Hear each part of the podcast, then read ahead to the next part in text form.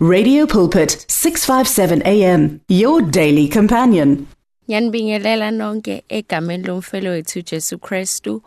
Igama lami ngonthapse ngiwakashabalala. Sibonga ithuba uJehova senzele lona namhlanje. Eh ngivumele namhlanje ngikhulume nawe ngencwadi ekuJeremiah 29 verse 10. iBhayibheli lifundeka kanje ngokuba usho kanje uJehova uthi lapho iminyaka engamashumi ayisikhombisa isiphelile eBhabhele ngiyakunihambela ngiqinise phezukwenu izwi lami elihle ngokunibuyisela kule ndawo ngokuba ngiyazi mina imicabango engicabanga ngani. Kusho uJehova imicabango yokuthula kungeyobubi ukuba ngininike isikhathi esizayo nethemba. Niyakungibiza niye ukukhuleka kimi ngiyakunizwa niyakungifuna ningifumane.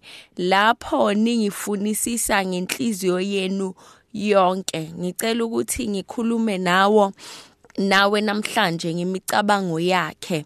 iBhayibheli uma ngilifunda lithi imicabango yakhe ayifani nemicabango eyethu. Eh kuyangifikela ukuthi uma ngabe ushada uyahamba mhlawumbe ufuna umuntu ozokuplanela bathize wedding planner ozokusiza ngomshado wakho.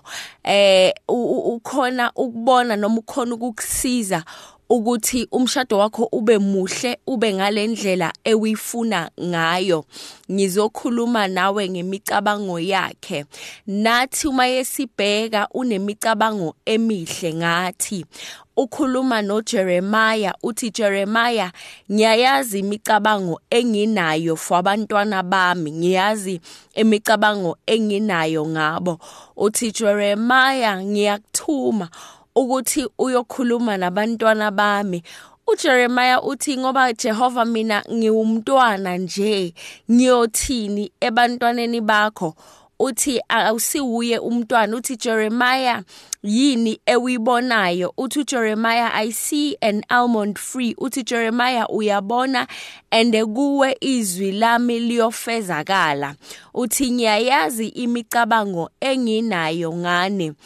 uJehova ukhuluma noJeremiah ngabantu noma ngabantwana bakhe abasejele.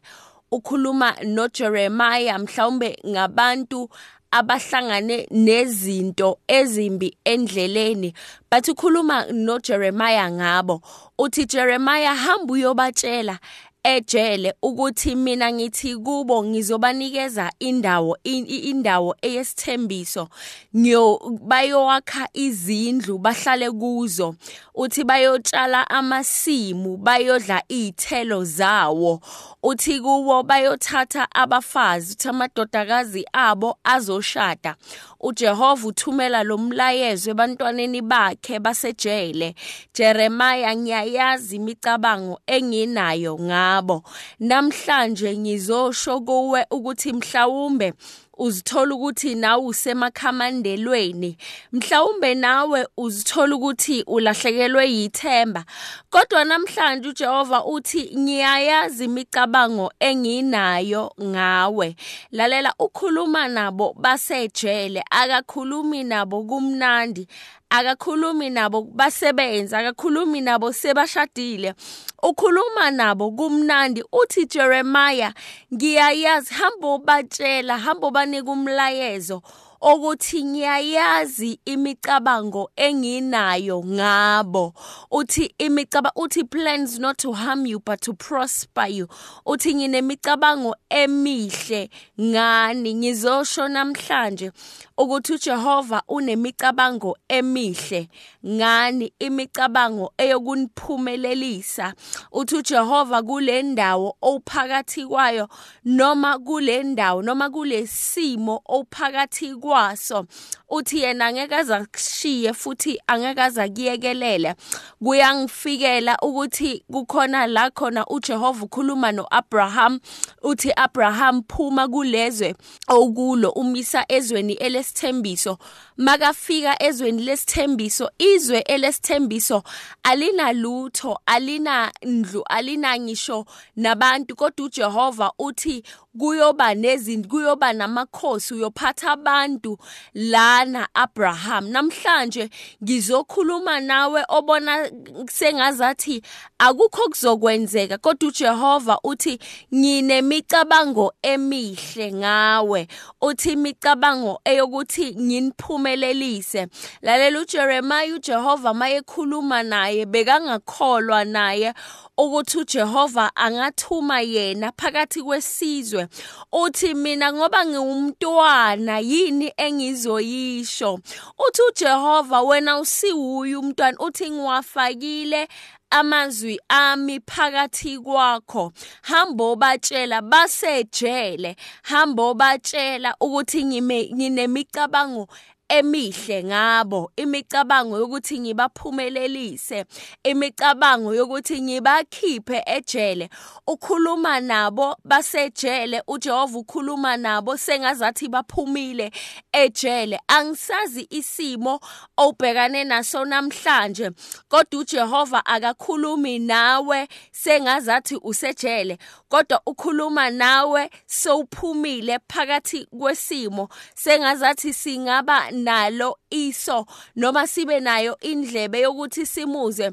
Sekakhuluma nathi athi ngiyayazi imicabango enginayo ngawe.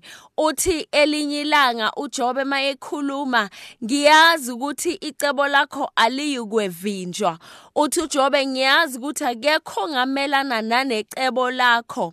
Uthi uJehova kithi namhlanje ngiyayazi imicabango enginayo ngawe.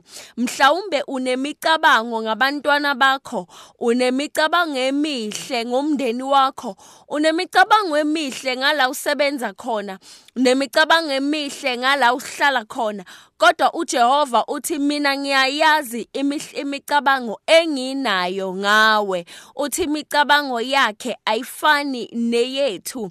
Indlela zakhe azifani nezethu. Uthi omunye mayekhuluma kahle guqula eyami intando uyifanise nale eyakho. Namhlanje mkhuleko wami uthi awuguquke aguqule umcabango wami noma uguqule indlela zami. Uzifanise nalezi ezakho uthi ngiyayazi imicabango enginayo ngawe.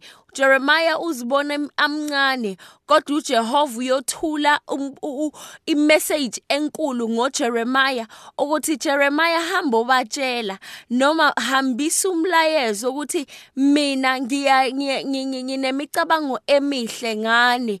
Uthi mama mama mawuchubeka ufunda uthi niyakungifuna ningifumane. Akaqali ngokuthi nizomfuna kuphela. Kodwa uthi mase ungifunile uzongifumana. Kodwa before ungifumana mina nguJehova nginemicabango emihle ngawe. Sesivala namhlanje ngizokukhumbuza sihlobo sami ekhaya ukuthi uJehova unemicabango emihle ngawe. Sengazathi ungamfuna umfumane ngoba yena unemicabango emihle ngawe. Busiseka namhlanje in Jesus name amen. The words of the Lord are words of life. Your heart is on 657 AM 657 AM radio for believers in action